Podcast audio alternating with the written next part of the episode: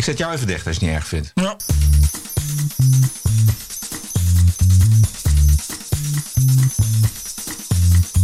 This is the TPO podcast. Ranting and Reason. With Bert Brusson and Roderick Phalo. Na 209 dagen is er een nieuw kabinet met een dichtgetimmerd regeerakkoord. De hartverscheurende verdwijning van Anne Faber heeft een verdachte. En verder, waarom verstoren docenten een verhaal van Thierry Baudet op de universiteit in Leiden? En maakt u kennis met de Zweedse Jordan Peterson. You think multiculturalism is a nicely left progressive radical idea. It's not. Hartelijk welkom bij aflevering nummer 36. This is the TPO podcast. Zo, Bert, we hebben, een, eh, we hebben er heel vaak over gespeculeerd.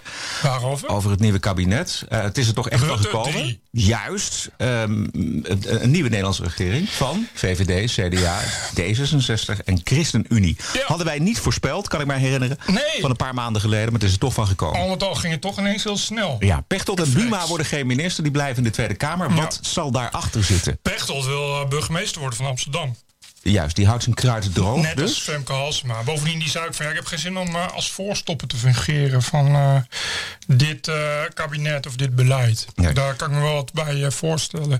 Buma, weet ik niet. Nee. Die, eh, ja, Zou het iets zeggen over het vertrouwen in het kabinet? Dat eh, Nou, Buma of- en Pechtold in de Kamer blijven? Nou, en of die hebben dus geen zin om, eh, om kop van je te worden. Die weten, die zien nu al aankomen dat dat geen vier jaar gaat duren. Dus die eh, laten zich geen knollen voor citroenen verkopen. Die laten zich niet met bos insturen. Hoe heet het? Wa- wa- Wat zijn jouw verwachtingen van dit kabinet? Ik kan het wel raden, maar vertel het toch maar eventjes. Nou, ik vind op zich, kijk, ehm, ik denk dat los van de ChristenUnie is het, nog, is het nog best redelijk en is het nog best stabiel. Maar ik vind dat de VVD is een eh, instabiele factor. Mark Rutte is Waarom? Waarom de VVD een instabiele factor? nou, die hebben eigenlijk geen, eh, geen capabele bewindslieden meer. En als die wel hebben, dan moeten die weer weg. Dus, eh, de, eh, dus ja, het is gewoon niet zo'n integere partij eh, gebleken. Nee, maar ik weet niet of je het debat met Hennis eh, hebt gevolgd. Of, eh, Jawel, maar goed, daar zit ook allemaal haken en ogen aan. Bedoel, eh, ja, maar er is niemand meer. Dus de, de, maar eh, goed. En, eh, Overigens had Hennis wel degelijk in het nieuwe kabinet plaats kunnen nemen als zij eh, had voorgesorteerd op een eh, aftreden en had gezegd: Nou joh, dit is gebeurd in Mali. Eh, we hebben het niet onder de pet gehouden. Dit is mijn politieke verantwoordelijkheid. Ik Ja. hou de eer aan mezelf. dat is precies wat Dan ik zeg. had ze gewoon in een nieuw kabinet Ja. kunnen komen. Maar dat is dus een geloofwaardigheidsprobleem. Wat je dan hebt, dat je dan hebt. En dat gaat natuurlijk blijven. Alles wat de ChristenUnie wil, is, ehm, gaat moeilijk worden. Dat, zijn natuurlijk, dat is nu allemaal keurig uitgeruild. Ik begreep ook, de ChristenUnie wil een verbod op pooiers. Dat gaat er komen. En in ruil daarvoor kregen, wat was het, die wet van de week? Nou ja, dat- ik, volgens mij zijn er inderdaad een aantal uitruilen geweest. Dat is dat regeerakkoord wat helemaal dichtgetimmerd is, Ja. waar, waar verder eh, eh, niks meer aan gedaan kan worden. En wat een enorme fractiediscipline eh, vraagt van de vier fracties in de Tweede Kamer de komende vier jaar. Voor zover zij vier jaar volmaken. Maar er zijn ook een aantal zaken waar buiten het kabinet om, buiten de coalitie om, gedeeld en ge, gewield kan worden. Want eh, er zijn eh, een, toch een aantal onderwerpen die onoverbrugbaar zijn. En dat wisten we natuurlijk al van tevoren.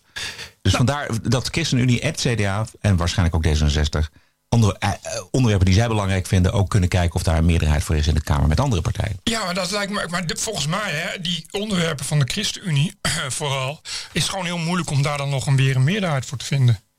Die, als, het, als het geen kabinetsmeerderheid is, eh, als het dus niet wordt gedeeld door het kabinet. eh, Ja, en, en bovendien, het moet dan ook nog voor, door, de Eerste Kamer, waar volgens mij nog steeds heel veel PvdA's zitten, als ik het wel heb. Verder ben ik natuurlijk heel blij dat, het, eh, nou, dat Rutte 3 genderneutraal wordt. Dat vind ik heel belangrijk dat dit soort belangrijke problemen zo hoog bovenaan de agenda zijn gezet. Ja, eens. Dit was toch wel. ehm, nou, dan hoorde je ook geluiden uit Syrië en uit Aleppo. Hoorde je mensen van. Nou, het is hier niet best, maar in Nederland is het nog niet helemaal genderneutraal. Dus eh, ik vind het goed dat daar naar geluisterd wordt. Dat daar ook te eindelijk aan dat schrijnende, jarenlange probleem echt iets wordt gedaan. Eh, verder is het heel leuk dat ze de wet Hille willen afschaffen. Ja. Dat je toch eh, gaat kiezen voor zal ik elke maand krom liggen voor een hypotheek. Of gewoon mijn hypotheek afbetalen zodat ik elke maand krom kan gaan liggen voor extra belasting. Dat is een nieuw woord is er geboren al bij, voor het aantreden van het kabinet. En dat woord heet Aflosboete. Ja, maar dat, ik, vind het, ik vind het gewoon mooi. Dat is typisch Nederlands. Dat alles wat met winst te maken heeft, met waar, alles waarvan je denkt van, hé, eindelijk kan ik daar een beetje van genieten, boete. Ja. Dat is echt, dat is, dit is wat je het ook doet, of je nou sociaal-democratisch doet of conservatief-liberaal. Je wordt uiteindelijk altijd van alle kanten genaaid. En alles wat winst oplevert, alles wordt afgeroomd, mag je weer En inleveren. dat heeft te maken met een, buitengewoon, eh, laten we zeggen, een ambitieuze overheid. De overheid wil natuurlijk heel veel in Nederland altijd. En dan moet er in alle hoeken en gaten geld worden losgepeuterd. En dan, dan sneuvelt zo'n wet Hille. Er wordt al gesproken over een valse start van dit kabinet. Ja, terecht. Terecht. TPO podcast. Wat mij eh, nog meer dan het andere nieuws, het nieuwe kabinet, eh, de afgelopen anderhalve week het meest heeft bezighouden, Bert, is eh, de verdwijning van de 25-jarige Anne Faber in Ja, mij ook. Ik denk dat dat voor heel veel mensen geldt. Ehm, er is gisteren een verdachte aangehouden, 27-jarige zedendelinquent uit Zeewolde. Michael P. Juist. Ehm, terecht laat de discussie op over het resocialisatietraject van dit soort eh, beesten. Ja. Eh, want daar gaat het eh, iets te vaak mis. Hij, het gaat, kijk, als je leest wat de- deze eh, Michael P. uit Zeewolde is dus veroordeeld. En toen was hij dus een jaar of twintig. Toen heeft hij al twee minderjarige meisjes op gruwelijke wijze verkracht in Nijkerk. Eh, ik heb gisteren heb ik ook online gezet de details uit de rechtszaak. En dat liegt er niet om. Dan heb je het over een hele verknipte gast. Ja. Die bovendien eh, eh, daarna met zijn vrienden ook nog eh, diverse straatroven heeft gepleegd. En nergens spijt van heeft. En nergens spijt van heeft. Ook nog heeft gezegd dat hij er juist trots op was en dat soort dingen. Die rechter in die zaak, in de, bij de normale rechtszaak, heeft ook gezegd hoe ernstig dat was. En dat het van belang is dat hij zo lang mogelijk, dat de maatschappij zo lang mogelijk wordt, wordt, wordt beschermd. En dat hij wel bestraft. Hij is ook in eerste instantie tot 16 jaar veroordeeld. Wat gewoon in Nederland een absurd hoge straf is. Eh, ja, op de een of andere manier is dat in hoger beroep weer allemaal gesneuveld. Is het teruggedraaid naar, naar ik geloof 11 jaar. Ja. In Nederland gaat er dan vrijwel automatisch een derde, eh, een derde straf gaat er van af. Dus dat betekent dat je inderdaad na, na een jaar of zes, zeven kun je inderdaad aan je resocialisatie beginnen. En je kan daar van alles zeggen over, over eh, het resocialisatietraject. eh, of dat überhaupt zinnig is en, en hoe, weet je, ik, eh, dan, ik zal zo nog even eh, erover zeggen wat, wat ik daarvan vind. Maar kijk, het punt is natuurlijk dat, je, dat, dat het absurd is dat dit soort mensen al zo snel vrijkomen. Ja. Je moet, je, het is toch raar dat als je eh, iemand hebt die niet in TBS kan. Niet wil. Nou, want je kan niet iemand in TBS stoppen die ze Nee. niet, wil, niet wil laten onderzoeken. Dus dan moet je, ik vind dat je dan als rechter moet kunnen zeggen: oké, nou dan, dan maar gewoon 30 jaar. Ja. En, en dan, ik, ik begrijp, ik weet verder het hoge beroep niet, maar ik vind het absurd dat je van 16 naar 11 jaar kan. In dit soort gruwelijke zaken, dat moet gewoon niet kunnen. Ja. Het is natuurlijk altijd heel eh, makkelijk achteraf eh, praten dat, dat dingen niet goed zijn gegaan. Maar ik eh, zag gisteren een, eh, een verslag, eh, een mini-documentaire van RTV Utrecht. Ja. over die eh, inrichting waar die jongen heeft gezeten. Nou, dat eh, kunnen we een stukje van laten horen. Allemaal eenpersoonskamers uiteraard. Ja, heel minimaal ingericht eigenlijk. Je ziet dat het een best wel zware deur is. Hè? Dat, eh, dat maakt misschien een indruk. Maar je moet je voorstellen dat ze eigenlijk altijd open zijn, de deuren, als het enigszins kan. Moet de omgeving zich nou zorgen maken? Ik denk niet dat je hier als vrouw alleen in de avond rond moet lopen. Dat zou ik in ieder geval niet doen. Want er lopen hier ook verwarde mensen. Je krijgt te zien twee psychologes, allebei blonde, heel erg goed in verzorgende vrouwen, die eigenlijk niet geloven in het kwade, want boosheid is onmacht. Dat zei ze ook letterlijk, boosheid is onmacht. Je ziet toch voor je hoe die mensen elke dag met een kopje koffie eh, en een leuk iets creatiefs tegenover eh, dit soort gruwelijke verkrachten zitten met de gedachte dat het gewoon ook onmacht is, dat het ook maar mensen zijn die, eh, die weet je, eh, wat je inderdaad zag, dat zei ze ook letterlijk van ja, eigenlijk staat de deur altijd open en, en er wordt zoveel mogelijk ruimte gegeven. En wat nog erger is, eh, geen stel, ik kwam ook nog met een, met een andere podcast op de proppen van een radiomaker. Die had een ex-cliënt geïnterviewd en die zei ook van ja, het is één groot drugsverstijn. Eh, de, op Ja. het terrein wordt alleen maar gedeeld. De, eh, en dat zei ze in die documentaire ook. Je kan met gemak, dat, dat zei die verslaggever ook van ja, ik heb gehoord dat je met gemak eh, alcohol en drugs binnen kan smokkelen. En dat confronteerde die, die, die behandelleidster confronteerde die mee. En die zei gewoon met een glimlach, ja, maar ja, je kan alles wel, als je wil kun je alles naar binnen smokkelen. Oftewel, weet je, dat is allemaal oké, dat is allemaal oké. En die ex-gevangene die gisteren in die podcast zat, die zei ook van, ja, je kan, eh, je, je kan gewoon over dat hek springen. Je hoeft daar niks voor te doen. Je kan gewoon op een krukje gaan staan en dan kun je over dat hek springen. Zo, die zei ook letterlijk, zo makkelijk is het. Ja, precies. Als je ergens een inschattingsfout kan maken in dit traject, dan is het daar. Dit is een, een probleem wat diep, diep, diep in de kern zit van hulpverlenend Nederland. Want we weten dat we de afgelopen tijd ook, ook in al die TBS-klinieken precies hetzelfde, precies hetzelfde. Alleen maar drugs naar binnen, wapens, probleem. Inderdaad, dit vertelde die ex-cliënt ook. Die zei van ja, dat personeel heeft zo groot verloop. Want ze worden of geïntimideerd, of ze krijgen een burn-out. Of hun kinderen worden bedreigd, dan moeten ze weer weg en zo. Er is gewoon geen land mee te bezeilen. Dit zijn dus mensen, weet je. Ja, die moet je dus dan gewoon langer opsluiten. Je moet de samenleving, en ik geloof ook helemaal niet, ik ben ook een tegenstander van TBS. Ik geloof helemaal niet dat je die mensen kan genezen. Ik geloof het helemaal niet. Ik geloof niet dat als je op je twintigste, en dit is een jongen overigens die, eh, las ik vanmorgen, eh, in Zeewolde al bekend stond, Ja. hè, echt als berucht. Had hij ook al overvallen gepleegd, mishandelingen, hij had zijn eigen vader mishandeld, zijn ex-vriendin bewerkt met een, met, een, met een gebroken fles. Echt dit zijn mensen waarvan je gewoon meteen moet kunnen concluderen... deze mensen is het niet oké en dan wordt het ook nooit meer oké. En dus geen tweede kans. eh, Nee, eh, levenslang. geen slachtoffer, eh, slachtoffergeknuffel. Nee, maar levenslang dus eh, uit de maatschappij verbannen, dit soort mensen. Het zijn steeds allemaal meisjes die eh, toevallig slachtoffer worden eh, van het sociale experiment in Nederland... wat al sinds 1968 aan de gang is. En daar moeten we een keer mee ophouden. TPO Podcast. Twee weken geleden sprak Thierry Baudet in Leiden op uitnodiging van studenten over wat je allemaal kan worden als je gestudeerd hebt. En omdat het niet een linkse carrièremaker was, maar Thierry Baudet werd zijn verhaal verstoord door docenten. Sander van Diepen was erbij. Nee, zondag. Sander, waarom werd Thierry Baudet uitgenodigd? Eh, het was een middag van de HCL, de eh, studentenvereniging studievereniging van geschiedenis hier in Leiden. En eh, ja, het was een carrière-dag. Ze wilden laten zien dat je met eh, studie geschiedenis meer kan worden dan alleen geschiedenisstudent. Dus ze hadden gewoon verschillende sprekers uitgenodigd voor die middag. Ja, Thierry. Waaronder Thierry. Hey, en wat, wat gebeurde er vervolgens? Ja, het begon eigenlijk dat hij ja, kortweg zijn levensverhaal een beetje schetste of vertelde wat hij allemaal heeft gedaan na zijn studie. En op een gegeven moment maakte hij wat politieke uitspraken. En daarop werd gegniffeld achterin eh, de zaal. Gniffelen, wat, is dat, dat doet Roderick ook wel eens. Daar wordt hij ook wel eens eh, op eh, bekritiseerd. Maar was dat eh, echt een beetje van...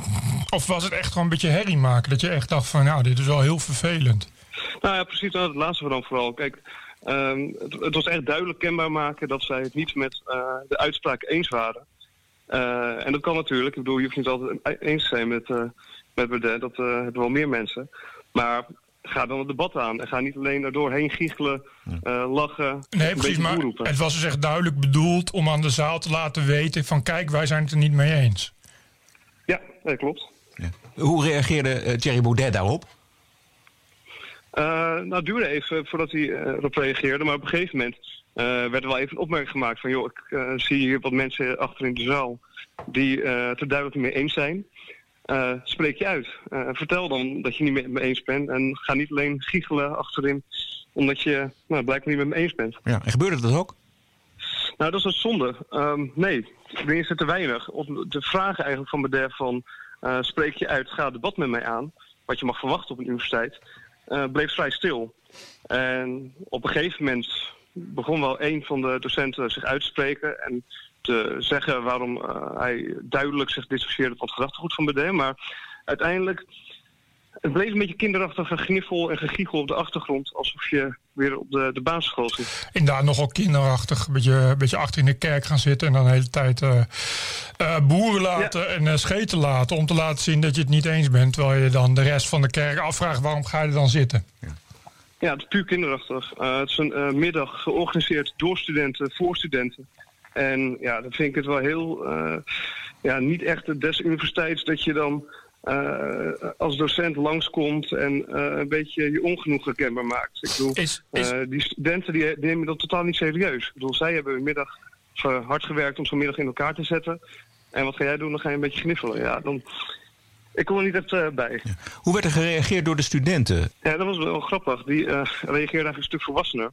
Eh, op een gegeven moment eh, sprak een eh, student zich ook uit. Die draaide zich om en vroeg van, joh, eh, wat is het nou? Kan er nou niet... eh, of eh, gewoon stil, eh, kun je niet of stil zijn of ja, duidelijk uitspreken en het debat aangaan. Want alleen maar aan gegiegel en gegniffel en boegeroep, daar hebben we niks aan.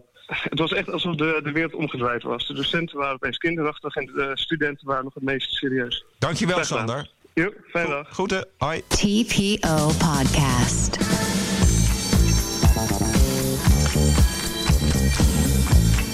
Doneren kun je leren. En dan kun je wel zeggen dat de TPO-podcast een uniek ander geluid is eh, tussen alles wat er al is. En wij willen graag meer tijd daarin stoppen en eh, over enige tijd uitbreiden met misschien wel twee keer per week een eh, podcast. We hebben daar eh, uw steun voor nodig. U kunt ons steunen met een donatie. Mag u zelf weten eh, hoeveel u voor dit geluid eh, over hebt. Dat mag 50 euro per jaar zijn, dat mag 100 euro, 200 euro. Dat laten we helemaal aan u over. Bert, hoe kunnen mensen doneren? Je kan gewoon via, via TPO.nl, maar ik zal er even een apart dingetje voor maken. Je kan met creditcard of, of eh, eh, PayPal of, eh, of Ideal, alles wat je wil. Dus dat is geen probleem. Ik zal even een aparte sectie maken voor, voor podcast. TPO Podcast.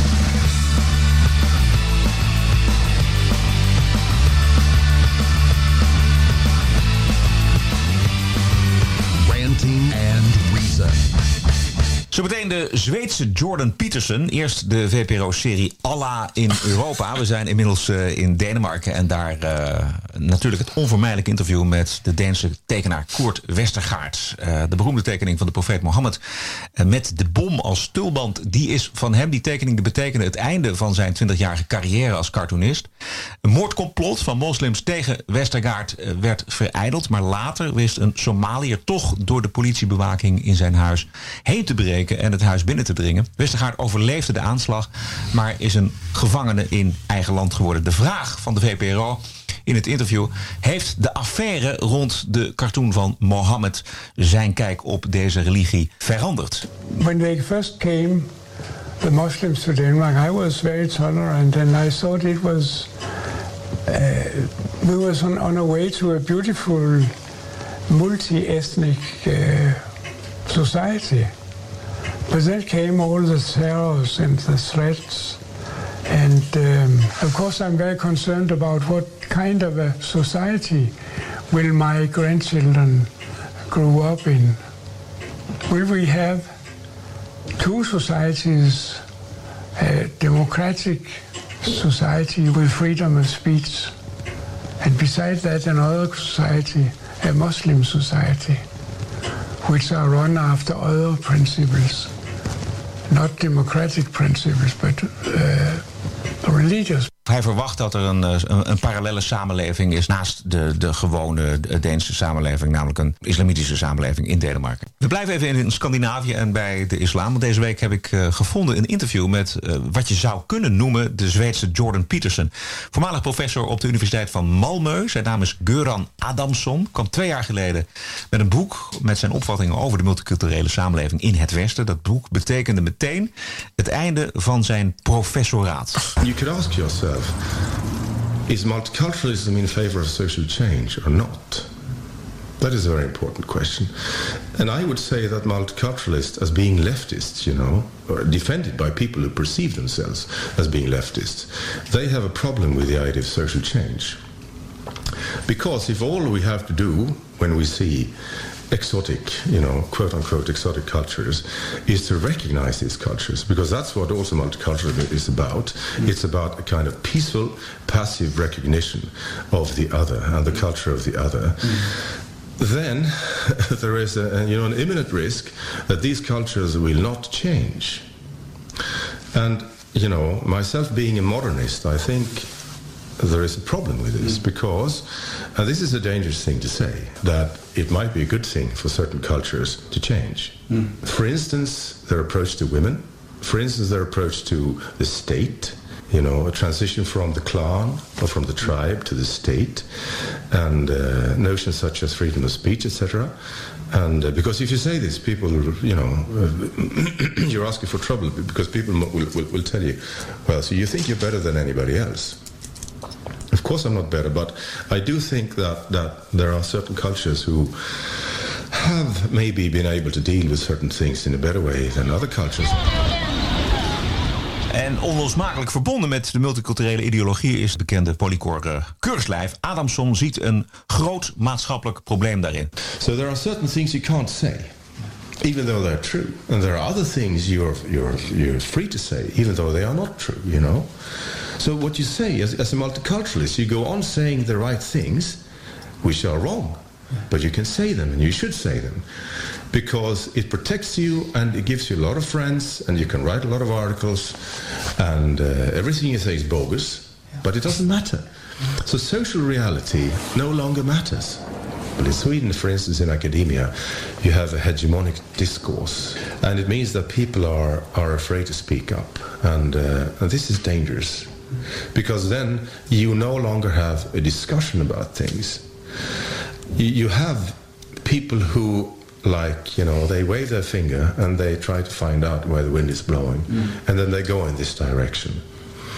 Uh, so you create a situation where people are l- nervously looking for appeal. They are nervously looking for maximum number of appreciation. Uh, and in society also in politics you have also a situation where there are a lot of things that you're not allowed to say. I mean if you would like to create a situation where you where you have right-wing fanatics who say all kinds of bizarre things.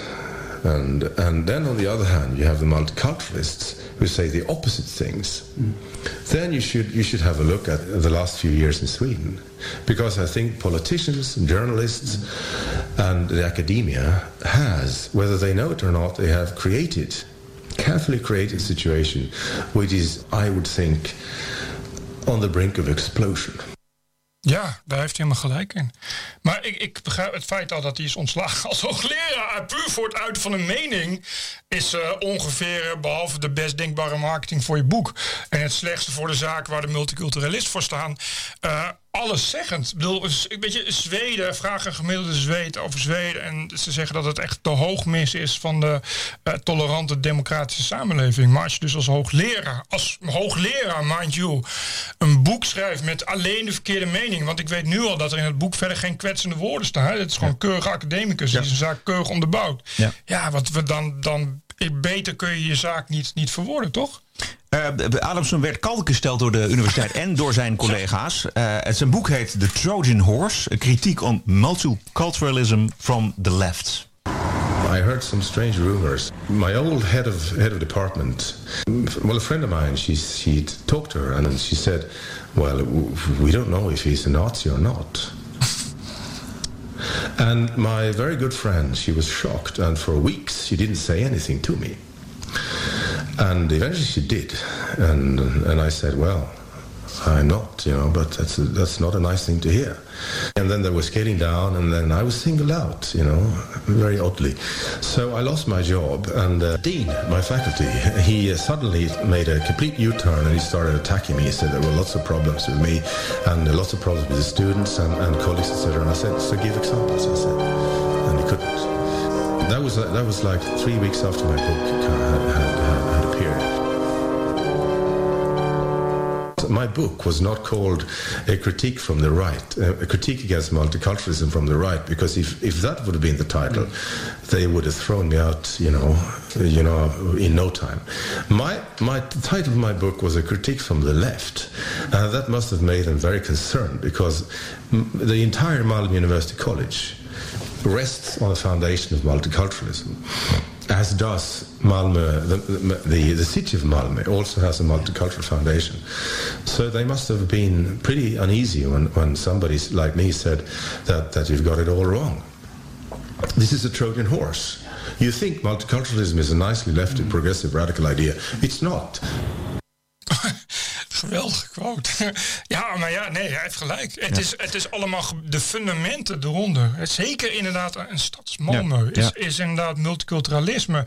Dus alleen al, eh, zelfs als je zou vinden dat hij gelijk heeft, dan kun je dat probleem niet oplossen. Want, de, want het is natuurlijk een kaartenhuis wat ze erop hebben gebouwd. Precies, dat is het. En en het komt heel mooi in dit voorbeeld eh, van deze, deze man eh, naar voren. Dat het, het multiculturalisme kan eigenlijk niet zonder dogma's en zonder Exact. het conformisme. En zodra je daar ja, niet, niet conform de ideologie bent, dan eh, val je er buiten. En dan word je dus achter je rug om eh, bestempeld als nazi. En dan moet hij, hij, moet hij zich gaan uitleggen van ja, maar ik ben geen nazi. Terwijl je collega's dat zeggen waar je tien jaar lang mee gewerkt hebt. Nee, ja, maar dat is, dat is sowieso hoe het gaat. Ja. De nazificatie is het eerste wat ze doen. Ja. Dat, is ook, ja, dat zag je ook. eh, dat zie je ook in, in die discussie over Antifa. De, die tegenstanders van Antifa zeggen ook allemaal terecht van ja, maar, kijk, Antifa, het eerste wat ze doen is iedereen nazi noemen. Om vervolgens te roepen, ja, tegen nazi's mag je geweld gebruiken. Eh, Ik bedoel, eh, eh, hier gaat het niet om geweld, maar op het moment dat je iemand een nazi kan noemen, dan hoef je verder ook zijn mening niet meer serieus te nemen. En dan kun je hem lekker overal van weren en noem maar op. Bij Thierry Baudet gebeurt natuurlijk precies hetzelfde. Wat hij ook zegt is, er- zijn twee uitersten. Hè? Dat zijn dan de, de, zeg maar de echte neonazies aan de rechterkant... en de, ja, de fundamentalisten van, het, van de multiculturele samenleving aan de andere kant. Social justice warriors en dat soort types. En daartussenin behoort dan de pers te zitten, behoort de academie te zitten. En die moet, die moet zorgen dat dat middenveld Exact. ja, eh, eh, een open discussie blijft voeren. Maar dat gebeurt dus niet. Nee, tegenovergesteld is het geval. De academici en, en de pers en de media... die zijn juist ook nog bezig met een nog grotere kloof te graven. Dat is, dat is ik bedoel... ja, Ja, we, hebben dat, we hebben dat in deze uitzending over Thierry Baudet gehoord. Waar, waarom gaan docenten achterin een Exact. collegezaal eh, zo'n zo'n toespraak Nou ja, verstoren? waarom- waarom- Hoezo? Waar slaat dat op? Waarom demoniseren de media Thierry Baudet? Weet je, dat, in Zweden is dat natuurlijk nog veel erger. In Zweden, eh in Zweden is een moeilijk land wat dat betreft. Ook inderdaad, neonazies die bestaan ook al heel lang. Er is een, echt ook een forse extreemrechtse beweging. We hebben daar ook inderdaad wel, net als in Duitsland, extreemrechtse moorden gehad. Eh, extreem links, dus inderdaad diep geworteld in de politiek vooral. En daar, eh, eh, links, als extreem links en links sociaaldemocratie. Eh, en daartussen zit niets. Zo dat middenveld is natuurlijk, natuurlijk continu een, eh, een, mijnenveld. Je ziet in de Zweedse media bijvoorbeeld net zo. In, je hebt bijvoorbeeld weet je, iets als Aftenbladet. Dat is echt een ontzettende tabloid. Dat is echt de Telegraaf keer drie of een beetje Daily Mail. Maar dan alleen best wel links. Dat is best wel politiek correct links. Dat is heel raar. Want dat je eigenlijk in de rest van, van Europa... In Nederland heb je geen tabloids. Maar bijvoorbeeld in Engeland en zo zijn vaak Ja. nogal, Ja, nogal rechts. we hebben het bij Beeld ook gezien natuurlijk. Ja. Nou, ook eh, Beeld In Duitsland? is net zo. Op het moment dat het over vluchtelingen gaat, gaan we echt vol op de deugdmodus.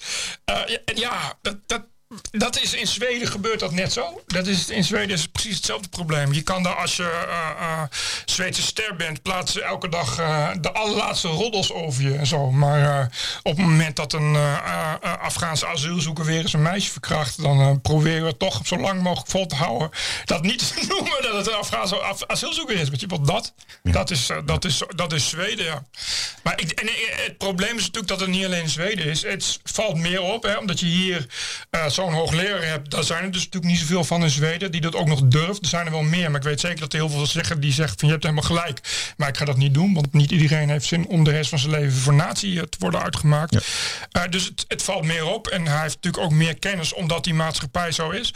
Maar het is in de hele westerse wereld het geval. Ik krijg die geluiden krijg ik ook uit Amerika. Precies zo. Ook inderdaad mensen die, die aan de universiteit werken en zeggen van ja, ik moet eh, elke drie maanden moet je hier eh, eh, weet je, het, een soort van social justice warrior tentamens maken en zo. Dat je wel de tolerantie. Of je mening nog wel in- in orde is. Ja, exact. Nee, maar serieus. Het, het is heel ernstig. Het is echt heel ernstig. Eh, Bert, we gaan zo meteen toch eh, vrolijk eindigen. Maar Oh. nog eventjes voordat we met de bonusquote eh, van start gaan... nog even aan jou vragen of er nog zaken zijn die we niet besproken hebben... maar waarvan jij zegt, nou deze week moet ik dat, is mij dat opgevallen... en ik moet het toch echt eventjes kwijt.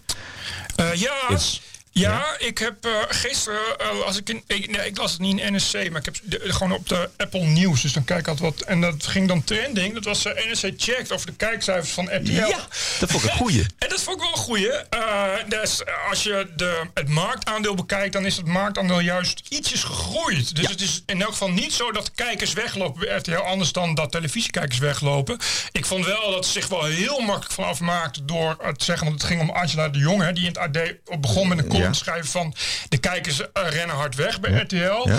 Waarop NRC dan zegt van nee, je moet niet naar kijkers kijken, naar marktaandeel. Dat klopt omdat RTL eh, de omzet en de winsten haalt uit marktaandeel. Hoe hoger je marktaandeel, hoe meer winst. Ja, maar er werd, er werd ook gekeken door NRC naar eh, de kijkcijfers van Boulevard Ja, en van eh, Late Night. Maar ik, het, eh, en die waren zelfs licht gestegen. Nou ja, Late Night is dus de afgelopen tijd is wel gedaald. Die staat dus nu telkens echt onderaan de kijkcijfers op 25. Gisteren, want ik publiceer het nu elke dag. Ja, dat heb ik gezien. Gisteren stond hij op plekje 25. Alleen Ja, maar dat is niet heel RTL 4. Nee, nee, dat- precies. Nee, maar dat, ik vond ook, daar heeft die Angela de Jonge zich ook wel heel... En zij baseert zich natuurlijk gewoon op een onderbuikgevoel van wat zij, wat zij hoort. Wat zij zelf vindt ook van die Ik programma's. vind wel, ehm, je, ik vind het, het is een moeilijke discussie over kijkcijfers en marktaandeel. Je, voor RTL maakt dat niet uit. Maar kijk, op, je kan ook op een situatie terechtkomen dat je 6000 kijkers hebt, maar wel 80% van het marktaandeel. Nee, maar maar wat- dan wat- zeg je niet van ja, het gaat goed. Snap je? Dus, dus dat is wel heel relatief allemaal. Tuurlijk. En om het nog relatiever te maken. eh, NRC zei wel en terecht dat eh, over de hele linie dus mensen minder televisie kijken. Dus dat Ja, je, nee, dat en is- dat zie je terug in die, in die marktaandelen. Dat als het marktaandeel gelijk blijft, dan kan, het- kunnen de kijkers wel afnemen. Maar dat is een algemene afname van het aantal kijkers op dat- televisie. Ik, ik vond het, de, de, verder vond ik Goed ook wel een goed stuk. Eh, eh, omdat je... Om, ik heb Peter van der Meers heb ik geretweet. Want die kwam daarmee. voor het eerst dat, jij, dat iemand Peter van der Meer zou retweeten. Maar ik vind wel nog... Ik wil het toch ook nog wel even voor Angela de Jong opnemen. Kijk, we- we- we- zij is gewoon columnist. Hè. Het was natuurlijk ook geen, geen serieus feitelijk artikel. Zij baseert zich puur op haar onderbuikgevoel. En dat is wat je de laatste tijd wel hoort. En overigens, heeft Umberto Tan en RTL dat ook wel zo min of meer toegegeven. Dat het wel minder is geworden. En, en haar column, de portée van de column was van... Ja, bij RTL worden ze inmiddels net zo arrogant als bij de NPO. Weet je, terwijl mensen zeggen van ik vind het kut... doen ze net alsof dat niet horen. Eh, maar dat, ik vind het wel belangrijk inderdaad om te kunnen zeggen... het gaat dus niet per se slecht met RTL. Weet je, voor, ja, het is een commerciële omroep. Dus bij RTL maakt het ten lange lengte een- geen zak uit... eh, eh, hoeveel mensen kijken. Als je dat marktaandeel maar hebt, vinden ze dat prima. Weet je, dat levert geld in Heb jij dan nog je, je, je strenge woorden terug te nemen van een paar weken geleden of niet?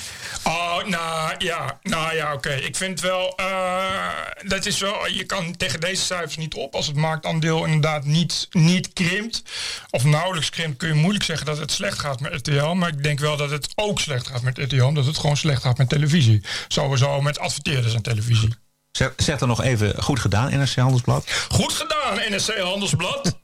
Oké, dan de bonusquote. Die is van de oprichter van de Weather Channel, John Coleman. Van, eh, die op CNN is er een interview. En hij ontregelt dat hele interview met hem. Omdat hij twijfels uit over klimaatverandering. Of dat door de mens is eh, veroorzaakt of niet. En daar willen ze bij CNN echt niets van weten. I resent you calling me a denier. That is a, a word meant to put me down. I'm a skeptic about climate change, and I want to make it darn clear Mr. Kenny's not a scientist. I am. He's the CEO of the Weather Channel now. I was the founder of the Weather Channel, not the co-founder. And I'm glad you did because I am addicted to the Weather Channel. I watch a I'm lot of talking cable news. now. Hold on just Well, a minute. I'm not done. And CNN has taken a very strong position on global warming that is that it is a consensus. Well, there is no consensus in science. Science isn't a vote. Science is about facts. And if you get down to the hard, cold facts, uh, there's no question about it. Climate change is not happening. There is no significant man-made global warming now. There hasn't been any in the past, and there's no reason to expect any in the future. There's a whole lot of baloney, and yes, it is. It has become a big political point of the Democratic Party and part of their platform, and I regret it's become political instead of scientific. But the science is on my side. I don't think we're going to come to a conclusion about the topic right here. What I do wonder, Oh, I though, know is when not you because see you the wouldn't allow it to happen on CNN. But I'm happy Well, that we- I got on the air and got a talking here for chance to talk to your uh, to your viewers. Hello, everybody. What There I is no global warming. What I do wonder is when you see the government, when you see NASA, when you see other institutions say that 97% of climate scientists agree, do you think they're making it up? I, I, what I don't understand is how you well, that's a square that. manipulated figure, and let me explain it to you. Uh, this, the uh, government puts out about two and a half billion dollars directly for climate research every year. It only gives that money to scientists who will produce scientific results that support the global warming hypothesis of the Democrat Party position. So they don't have any choice. If you're going to get the money, you got to support their position. Therefore, 97% of the scientific reports published support global warming. Why? Because those are the ones the government pays for, and that's where the money is. It's real simple. But that doesn't mean it's right. That doesn't make it true. That only makes it bought and paid for. The money goes in circles. I'm not a scientist, so I'm not going to try to refute you Boy, on the that's the, facts. truth. I'll simply so say that the vast stand majority. back from this from this issue and let the two sides be on the air. There are 31,000 scientists who have signed a petition that says it is it is not valid, that my position is correct, and we'll keep battling, and uh, we we will prevail in time. Uniek geluid bij eh, CNN. Wauw, ik vind hem wel, eh, wat een baas dit. Deze John Coleman. Jezus. Het is helemaal ook, als je het ziet op televisie, dan wordt hij op een gegeven moment ondertiteld. En dan staat er co-founder The Weather Channel. En dan zegt hij meteen, dat ziet hij, no, founder." I'm not a co- co-founder, I'm the founder. Ja. Ik wist trouwens niet dat er 31.000 eh, wetenschappers al een petitie hebben ondertekend dat ze iets anders vinden van. dat vind ik wel. Nou, hij zegt het, ja. Ja, hij zegt het. Ja. ook. Ik, eh, nou ik weet het ook niet. Goed, dit was hem weer. We gaan eh, aan de slag met nummer 37 voor eh, de volgende week. Als u deze podcast de moeite waard vindt en u zou wel wat meer afleveringen willen, dan mag u ons werk ondersteunen. Doneren aan de TPO-podcast voor eh, een echt ander geluid in We de gaan het Nederlandse online, ik media. ga het online zetten. Heel goed. Donatiemogelijkheden. Goed. Heb een mooie week en graag tot de volgende. Ja, jij ook, Roderick. TPO Podcast. Bert Bruson, Roderick Balo, Ranting and Reason.